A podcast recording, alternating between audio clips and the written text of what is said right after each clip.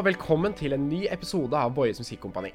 En podkast om klassisk musikk og andre nærliggende tema. Jeg heter Nicolai Matthews og har benket meg ned med Inga Aas og Mathias Halvorsen. Hei, hei.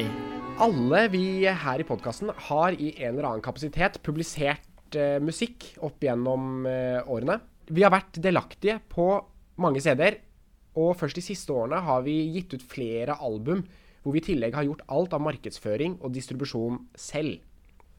Og i den sammenheng har vi møtt noen forskjellige utfordringer, og en av disse utfordringene vil vi diskutere litt i dag. Eh, det har seg sånn at vi har nemlig opplevd noen eh, episoder eh, som vi før vi begynte å distribuere CD-er eh, selv, og markedsføre dem, eh, som vi ikke var klar over at eksisterte, og som overrasket oss veldig. Og Mathias, du spesielt først og fremst kanskje hadde noen helt sånn konkrete opplevelser knyttet til dette. Kan ikke du fortelle oss litt eh, hva som skjedde? Ja, jeg hadde en, en uh, opplevelse som Ja, nå, jeg tror det var i fjor Ja, når var det her? Jo, det står her, faktisk. Ja. Um, for et år siden så kom jeg ut sammen med en plate med Jan Martin Gismavik, hvor vi drev og sendte ut mange henvendelser om å få omtale og anmeldelser fra forskjellige journalister og forskjellige steder og nettsider som, som skriver om, om musikk.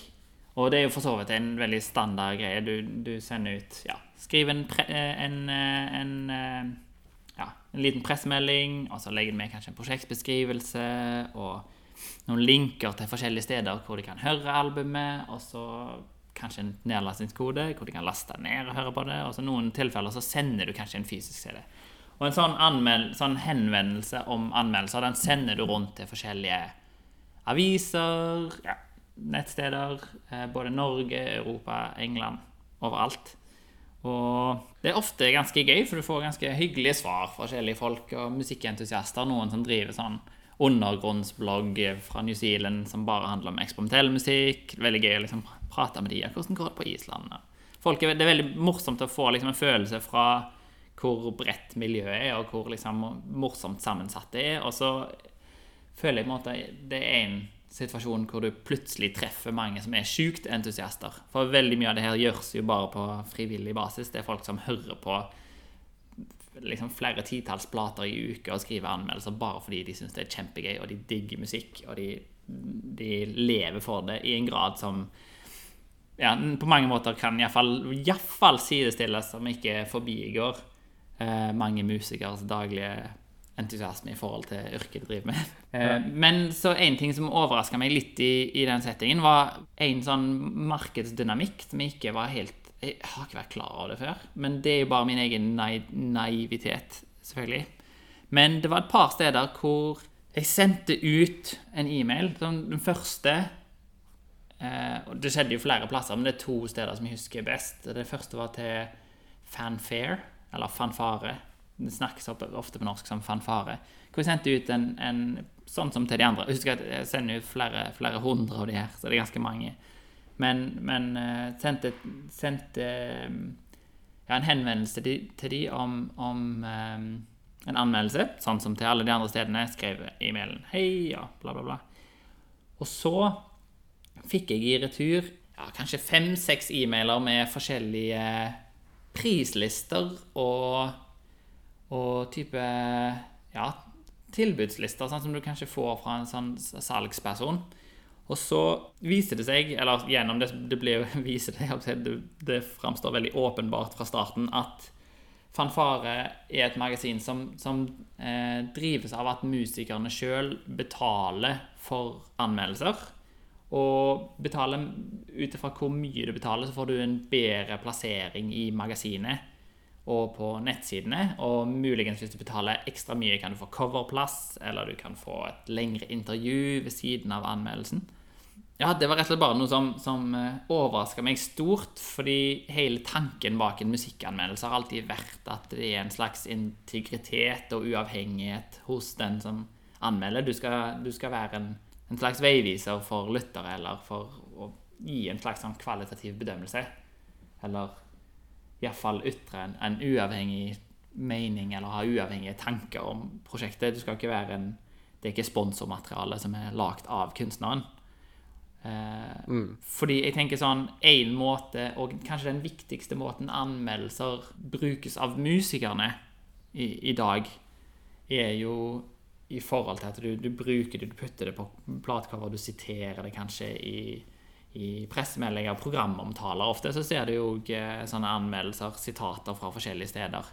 Og det er da typisk fanfare. Gnistrende tolkning av eh, Bach. Ja, ja. Briljant virtuoseri. Altså bare sitert sitert fanfare. Sitat. Ja.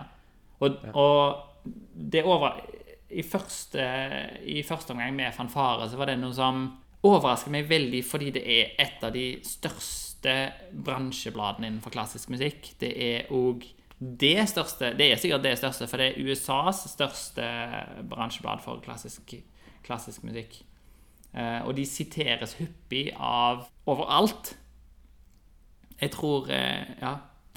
jeg skal ikke begynne Ja, uten å, Hvem- uten å nevne navn, så er det jo mange store norske aktører som siterer. fanfare. Og ikke bare store, men alle, alle mulige aktører eh, siterer fanfare jevnlig. Ja, og jeg må bare si at det er ikke noen kritikk av de som siterer fanfare. Det eneste er at jeg som musiker sjøl, før jeg hadde gjort det her, var ikke klar over den dynamikken. Så jeg var ikke klar over at sånne anmeldelser, altså sånne sitater du kan få, faktisk er betalt materiale.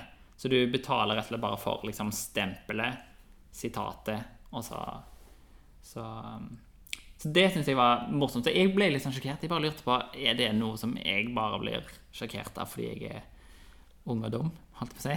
Eller hva tenker dere?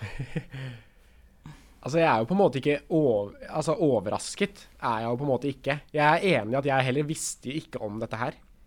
Og, mm, men sånn Til syvende og sist så merker jeg jo at, at man skjønner jo at de, disse typer markedskreftene de, de gjennomsyrer jo alt i samfunnet. Eh, og det vir jeg, jeg tok meg faktisk den frihet, fordi vi skulle snakke om dette her, og sjekke en del paralleller også, til f.eks. sånn bokblurbs.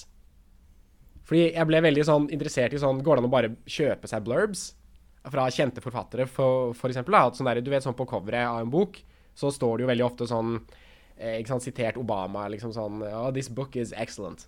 Og så, og så vil man lese den basert på de blurbsene, da. Og det finnes jo et kjempestort marked for å kjøpe blurbs av viktige forfattere. Og der også kom jeg over en sånn VG-artikkel faktisk fra 2015 som var ganske interessant. Fordi der kom det fram da, at noen forlag Nå skal jeg ikke nevne akkurat forlag der, men det som visstnok betaler bloggere da, for anmeldelser av bøkene sine. På forskjellige måter. Og eh, et par eh, eksempler. Og da er det sånn Bloggerne selv er utrolig tydelige på at dette er sponset materiale overfor sine lesere. Men i siteringen av disse blogg, eh, bloggpostene så sier ikke Cappelen Dam selv at de er eh, betalt materiale. Da bare siterer de Vanessa Rudjord eller Ikke sant? Og så bloggerne i seg selv gjør jo ikke noe galt her. Så de, de har en litt annen dynamikk, da, men det var jo en lang diskusjon rundt dette i den artikkelen med liksom steile fronter eh, her og der. Men det fremstår som om man ikke gjør noe ulovlig ved å gjøre det, men at, eh, at det kanskje eh, undergraver journalistikken til en viss grad. da. Så det er jo der på en måte eh, eh, reaksjonen kommer. Ikke sant? Her så sier f.eks. hun Elin Brenn Bjørhei, nå vet ikke jeg akkurat hvem hun er, men så står det her kritikk i seg selv skal jo være uavhengig. Du skal komme med din ærlige mening. I det øyeblikket en anmeldelse er kjøpt og betalt, hvordan kan man da vite at dette er en ærlig mening? Ingen vil jo betale for en dårlig omtale. Og det føler jeg jo er bunnlinjen i dette her. At sånn, hvis, også for fanfare, da. Hvis du betaler dem for en anmeldelse, så vil du jo aldri betale for det hvis det er en dårlig en. Sånn at da kan du jo ikke lenger stole på hva de sier er en ærlig mening. Det, Siden uansett hva du har gjort, så vil du få en god en. Men er det på en måte noe som fanfare er- Gjennomsyrer det fanfare generelt? At det bare er gode anmeldelser? Ja, ja, ikke sant? det gjør jo det. Altså Når du ser nedover listene, så er det jo nesten bare Det er jo uhorvelig mange full sånn, De har jo sånn stjernesystem. Uhorvelig mange seksere og noen femmere, liksom.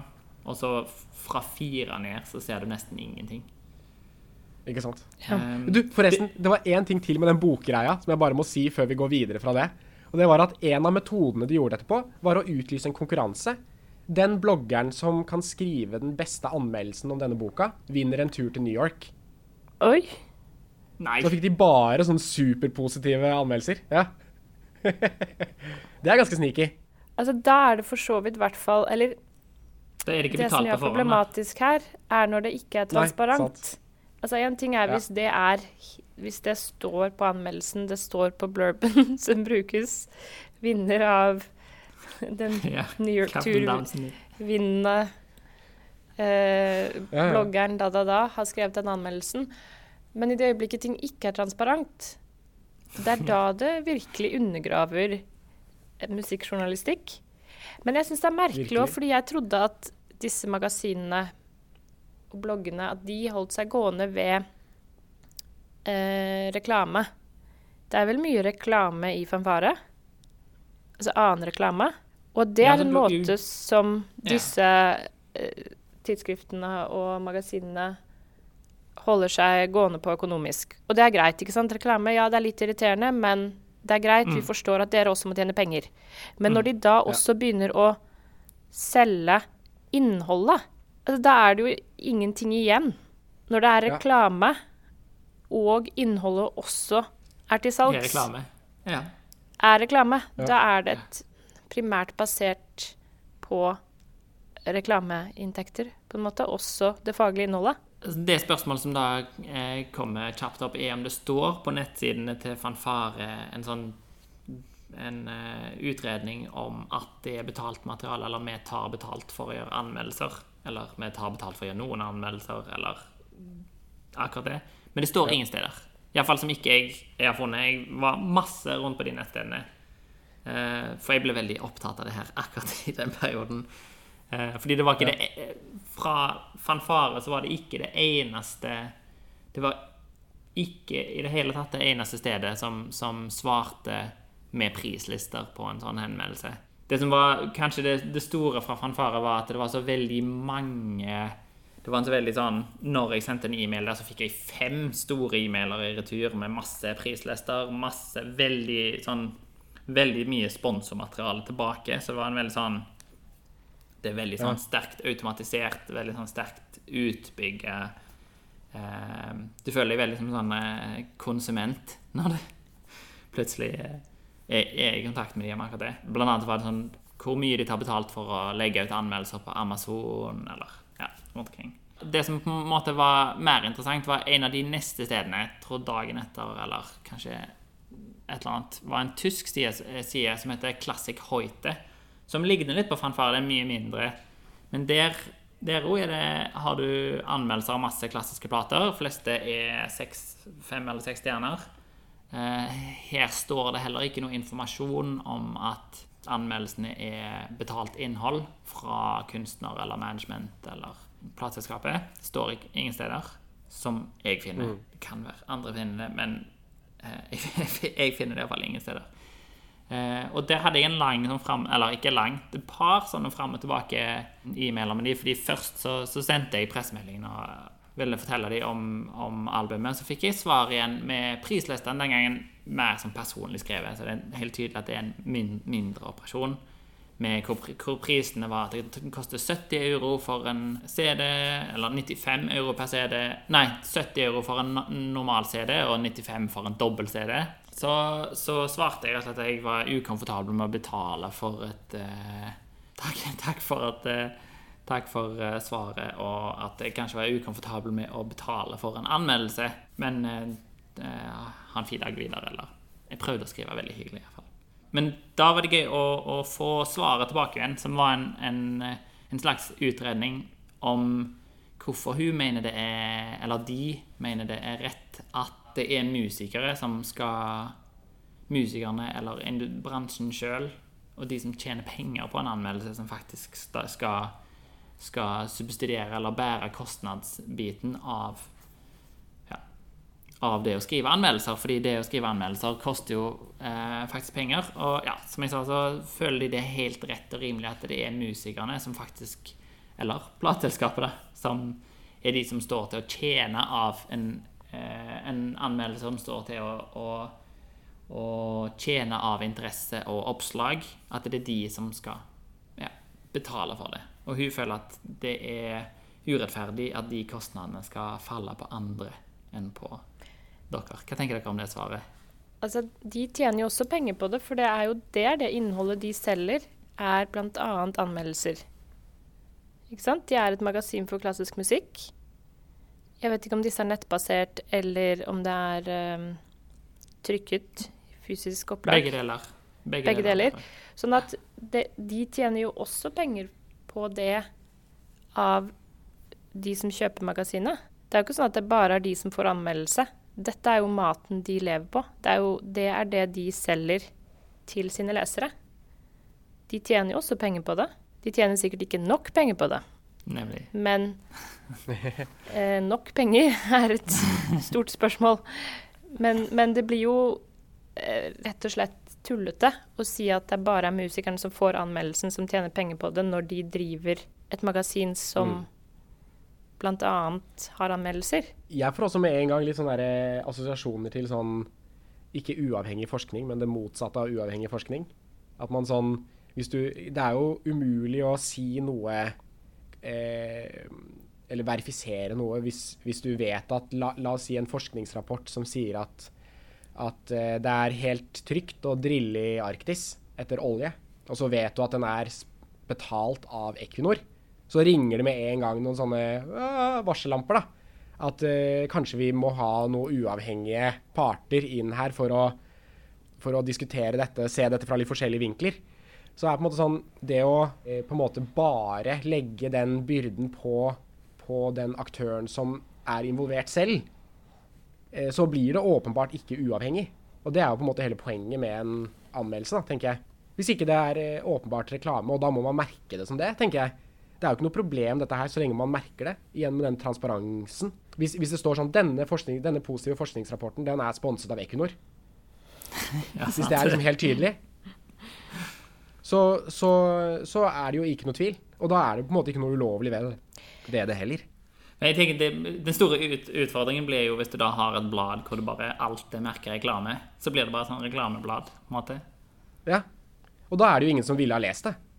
Så jeg, jeg føler jo sånn Det viktige her er jo å, å gjøre folk oppmerk... Altså, altså det, det, virker som om i mange sammenhenger så handler det om oppmerksomhet rundt at, at, les, at leserne og de som At de vet, at alle vet at det er betalt eh, materiale. Så mister det også integritet og dermed kunder, tenker jeg, da. Jeg, jeg tror ikke det er mange som vil eh, liksom ta en fanfarereklam eh, Altså en fanfareartikkel som god journalistikk nå, hvis man hører denne podkasten. Og det er det jo veldig mange som gjør. Ja, man vil nok ta det med en klype salt. Og sånn sett er denne praksisen også med på å undergrave musikkjournalistikk generelt. Fordi det det. når det er sånne praksiser, men de er skjult, så begynner man jo å lure på hvor fins denne strukturen som vi ikke vet om. Mm. Og mm. det er også sånn som Mathias nevnte i introduksjonen her, at alle disse bloggerne som faktisk gjør dette bare fordi de elsker musikk, de bryr seg om det, det er deres lidenskapelige hobby, de kan ha veldig mm. gode anmeldelser. Altså, de tar seg plass. De har ikke noen redaksjon som sier at denne anmeldelsen skal være på maks en, eh, liksom en halv side. Men det er jo forferdelig trist at musikkjournalistikk på en måte skal bli noe man ikke kan leve av fordi Eller hva skal jeg si At den faglige tyngden noen ganger At det nesten oppleves som om den finnes utenfor det profesjonelle feltet. Selvfølgelig ikke utelukkende, men at aktører som da selger sin integritet på den måten, er med på å undergrave hele feltet som en som et seriøst fagfelt. Og da mm. blir alternativet disse som ikke lever av det, og som gjør dette bare fordi de er interessert i det, det blir veldig aktuelt og på en måte et godt alternativ til det profesjonelle feltet. Men det er jo veldig synd. Det virker jo som om dette har vokst fram i fraværet av kulturjournalistikk generelt. da. At ettersom det har blitt bygd ned i de store eh, mediehusene, så, så, får kultur stadig mindre og mindre plass i det journalistiske materialet. Og i den prosessen så åpner det seg jo et, et behov ikke sant, hos, hos eh, aktører om å få sine ting anmeldt utenfor de store aktørene som ikke gidder å skrive om det. Det er jo selvfølgelig noen som, som gjør det, og lite grann, men det er fortsatt ikke så veldig mye. Sånn både Aftenposten, eh, NRK det er, veldig, det er ikke så mye lenger kulturanmeldelse som det var før. Jeg, jeg har et inntrykk at det er forskjell i landskap, men det føler du jo ofte når du, når du ser ting fra din egen veldig sånn, litt sånn nisjesituasjon, som klassisk musikk er. Men det føles som den situasjonen for klassisk musikk er litt annerledes enn situasjonen for eksperimentell musikk eller jazzmusikk. Altså, ikke jazzmusikk, men jazz. Hvordan da? Hva tenker du er forskjellen? Jeg merker det bare litt for eh, eh, Det morsomme med den plata som jeg sendte ut anmeldelser for her, er at de reklamesvarene kommer fra den klassiske siden. Og så merker du at de som har flest Har liksom best, de best utbygde nettverkene av sånn undergrunns eh, undergrunnsblogger og et veldig sånn levende interessefelt, er mer sånn eksperimentell musikksjanger. Ja. Mm. Mens eh, ja, det er ganske mye kule jazzblogger rundt omkring, faktisk. Mm. Eh, mens innenfor sånn ren klassisk så havner du ofte opp i større musikkinstitusjoner. Du havner ofte opp i større sånn eh, Hva heter det eh, fiolinbladet? Stradi, Stradivarius eller noe sånt. Jeg husker ikke. The Strad. Ja, The Strad. Altså Du får mer sånne typer ting. BBC Music Magazine. Eh, du har altså sånn på norsk liksom klassisk musikkmagasin. Jeg vet ikke om de finnes lenger. Men eh, du får mer sånn type sånn industri, eller sånne mer sånn publikasjoner. Mens innenfor de andre så er det en, en mer sånn Ja, det er litt mer, litt mer sånn eh, fra undergrunnen i livet, liksom. Det er iallfall mitt, uh, mitt inntrykk. Du har, du har alltid, un, alltid unntak, unntak, og det tenker jeg hadde vært kjekt å kanskje prate bitte litt om. fordi det morsomme er jo da at når du driver og sender rundt mange pressemeldinger, så merker du veldig fort en ting er at du merker de stedene som folk har drevet og sitert, som faktisk er reklamesteder som ikke er egentlig anmeldelser. Fordi jeg føler ikke du kan kalle det hvis det er betalt for, så er det jo på en måte ikke en anmeldelse lenger. Mens det er mange steder som jeg har begynt å lese i etterkant, fordi, eh, fordi du begynner å bli bevisst på forskjellen mellom de to. Altså de som jobber aktivt for å utvikle en, en forretningsmodell som handler om et forhold til lytterne, og som ikke Altså istedenfor å prøve å finne andre måter å gjøre det på for å fortsette å være uavhengig. Eh, og det er flere steder som gjør det. Og det hadde kanskje vært kjekt å prate Peter litt om, om akkurat det. Tenker jeg. Fordi Mm. det er Jeg tenker at det er mange store, fine lys i tunnelen. Ja. Er det ikke? Ja, det handler jo mye om å sortere litt, bare. Gjør det ikke det?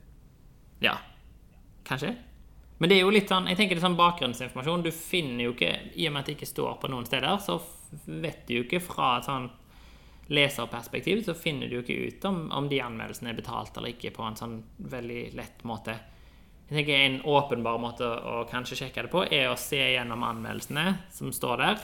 Og hvis det er bare masse femmer og seksere jevnt over og nesten ingen dårlige anmeldelser, så føler jeg det er en sterk indikasjon på at her er det kanskje ikke helt uavhengig, eller det ligger en slags markedstilt mot å anmelde plater som Jeg vet ikke. Jeg tenkte også Jeg, jeg, hadde, jeg tok faktisk uh, den lille friheten kjapt og uh, leste meg litt opp på markedsføringslovens Vær varsom-plakat. Skal- Vil dere høre noen sitater derfra? Ja. Ok. Så eh, markedsføringslovens paragraf 3 første ledd, da, så står det f.eks.: Markedsføring skal utformes og presenteres slik at den tydelig fremstår som markedsføring. Det er liksom én ting. Men så videre da i den, i den eh, Vær varsom-plakaten, så står det OK. Eh, punkt 2,8 andre setning så står det kommersielle interesser skal ikke ha innflytelse på journalistisk virksomhet, innhold eller presentasjon. Og så står det, sagt på en annen måte, dersom redaksjonelt innhold er gjenstand for sponsing, så må dette merkes på en slik måte at det er tydelig for publikum. I tillegg er det altså slik at selv om sponsingen er tydelig merket, så skal ikke sponsor ha innflytelse på det redaksjonelle innholdet. Dersom sponsor har en slik innflytelse, så er det ikke bare utilstrekkelig å opplyse at innholdet er sponset. Det vil kunne være direkte misvisende. Etter vårt syn vil den typen innhold måtte merkes som noe annet, f.eks. annonse eller reklame.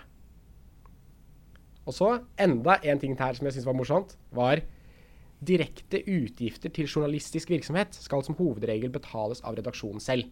Ved unntak skal publikum gjøres tydelig oppmerksom på hva som er finansiert av utenforstående interesser. Det er ganske relevante setninger for det vi har snakket om nå. Mm. Er det ikke det? Absolutt. Det handler jo om at sånn Det å ikke tydeliggjøre dette når man Altså for fanfare, det er jo direkte utrolig dårlig journalistisk virksomhet. På grensen til uetisk, vil jeg si. Ja.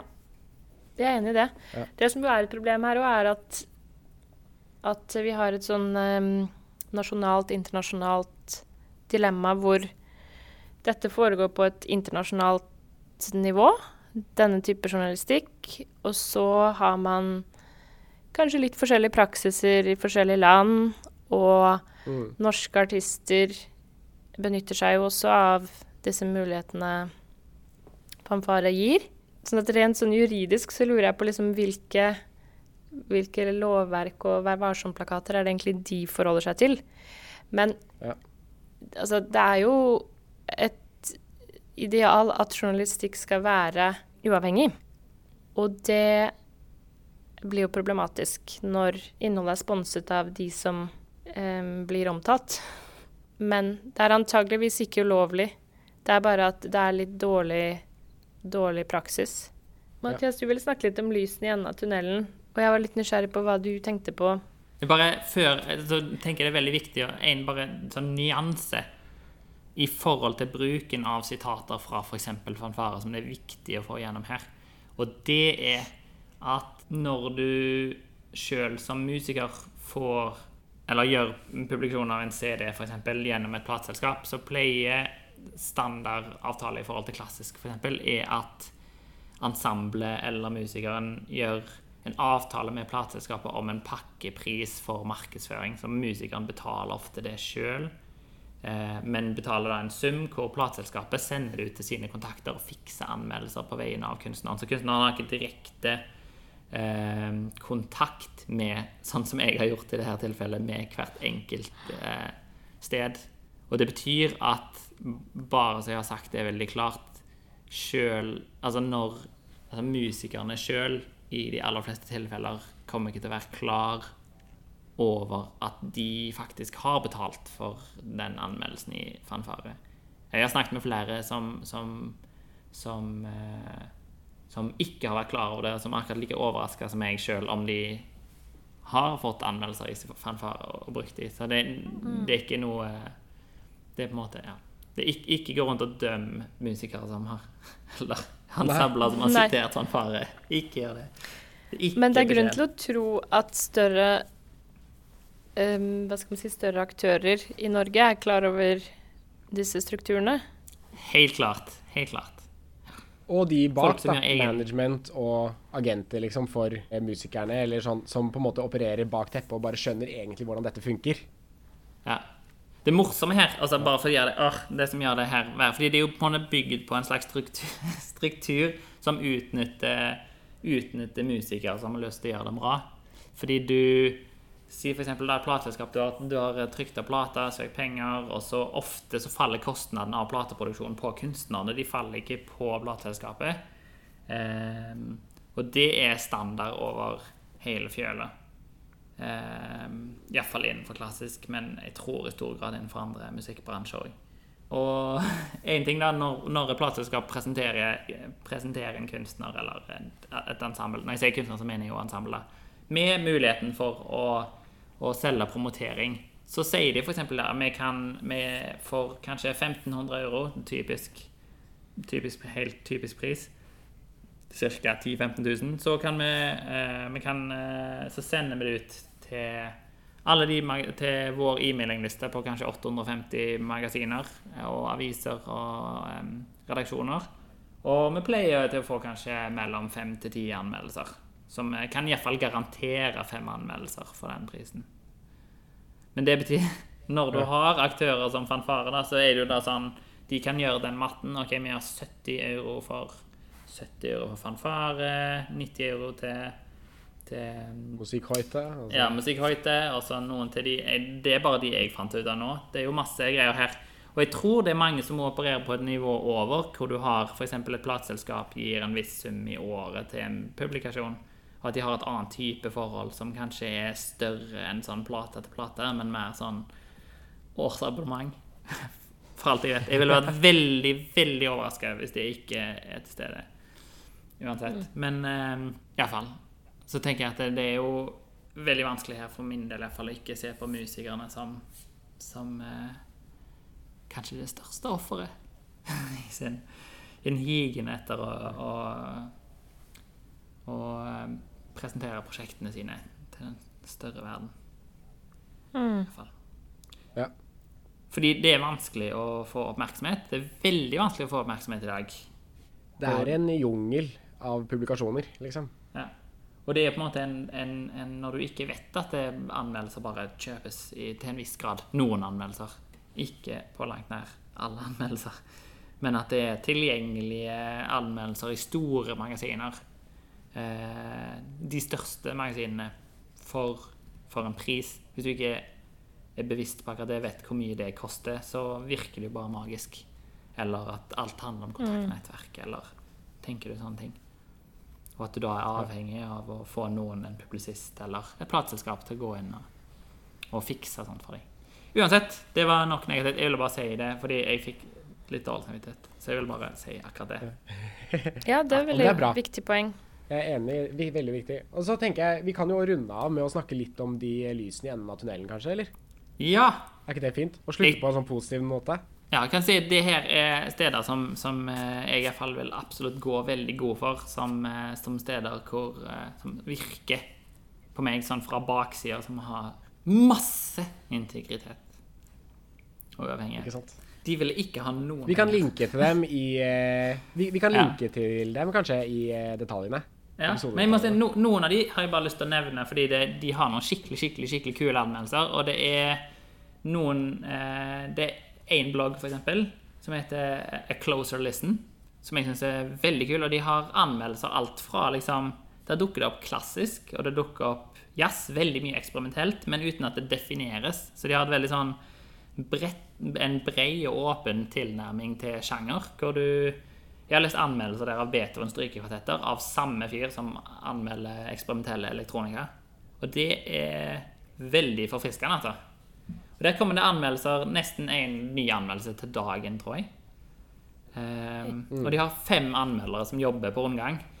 Og, og måten de gjør det på, er at, at det drives bare av doneringer fra publikum, liksom. Så lesere donerer. Og redaksjonelt så, så tar de inn alle forslag. Når jeg husker når, jeg, når vi sendte inn det albumet her, så fikk vi rett og slett svar at eh, kjempeflott, vi sender det videre til våre fem, fem kritikere. Og så, eh, hvis det er noen av de som har lyst til å skrive om det her albumet, så eh, skriver de om det.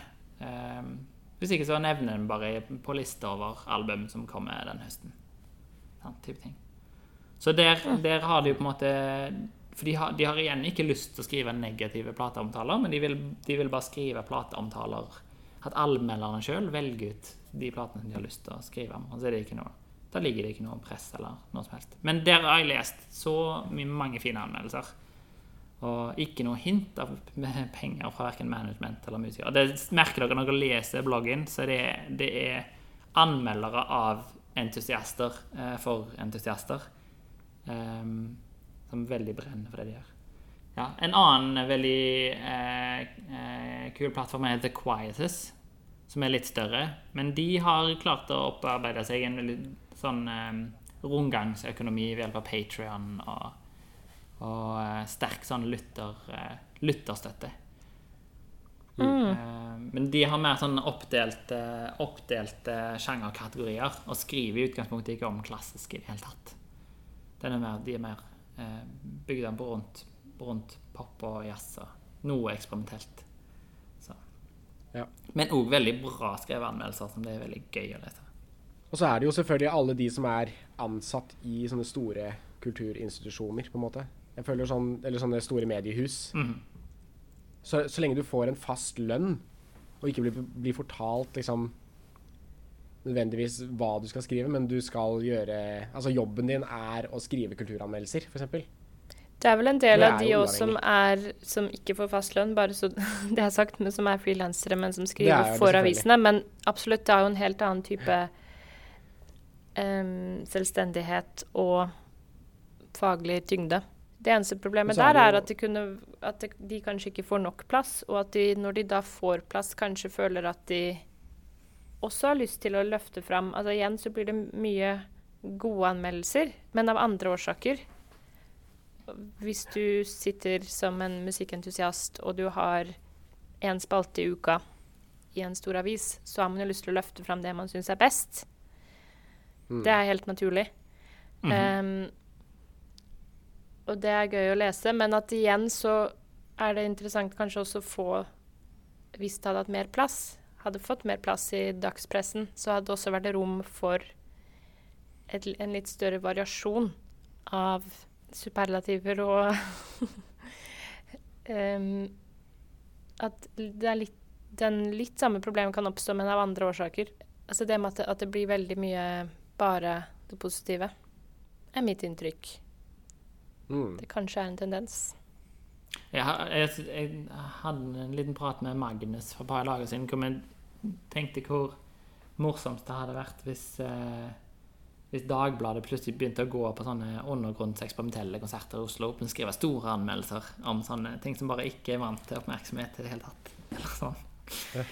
Det har vært noen ganger i Han um, Arild Andersen har skrevet noen ganger i Aftenposten er det vel om Blowout-festivalen, f.eks.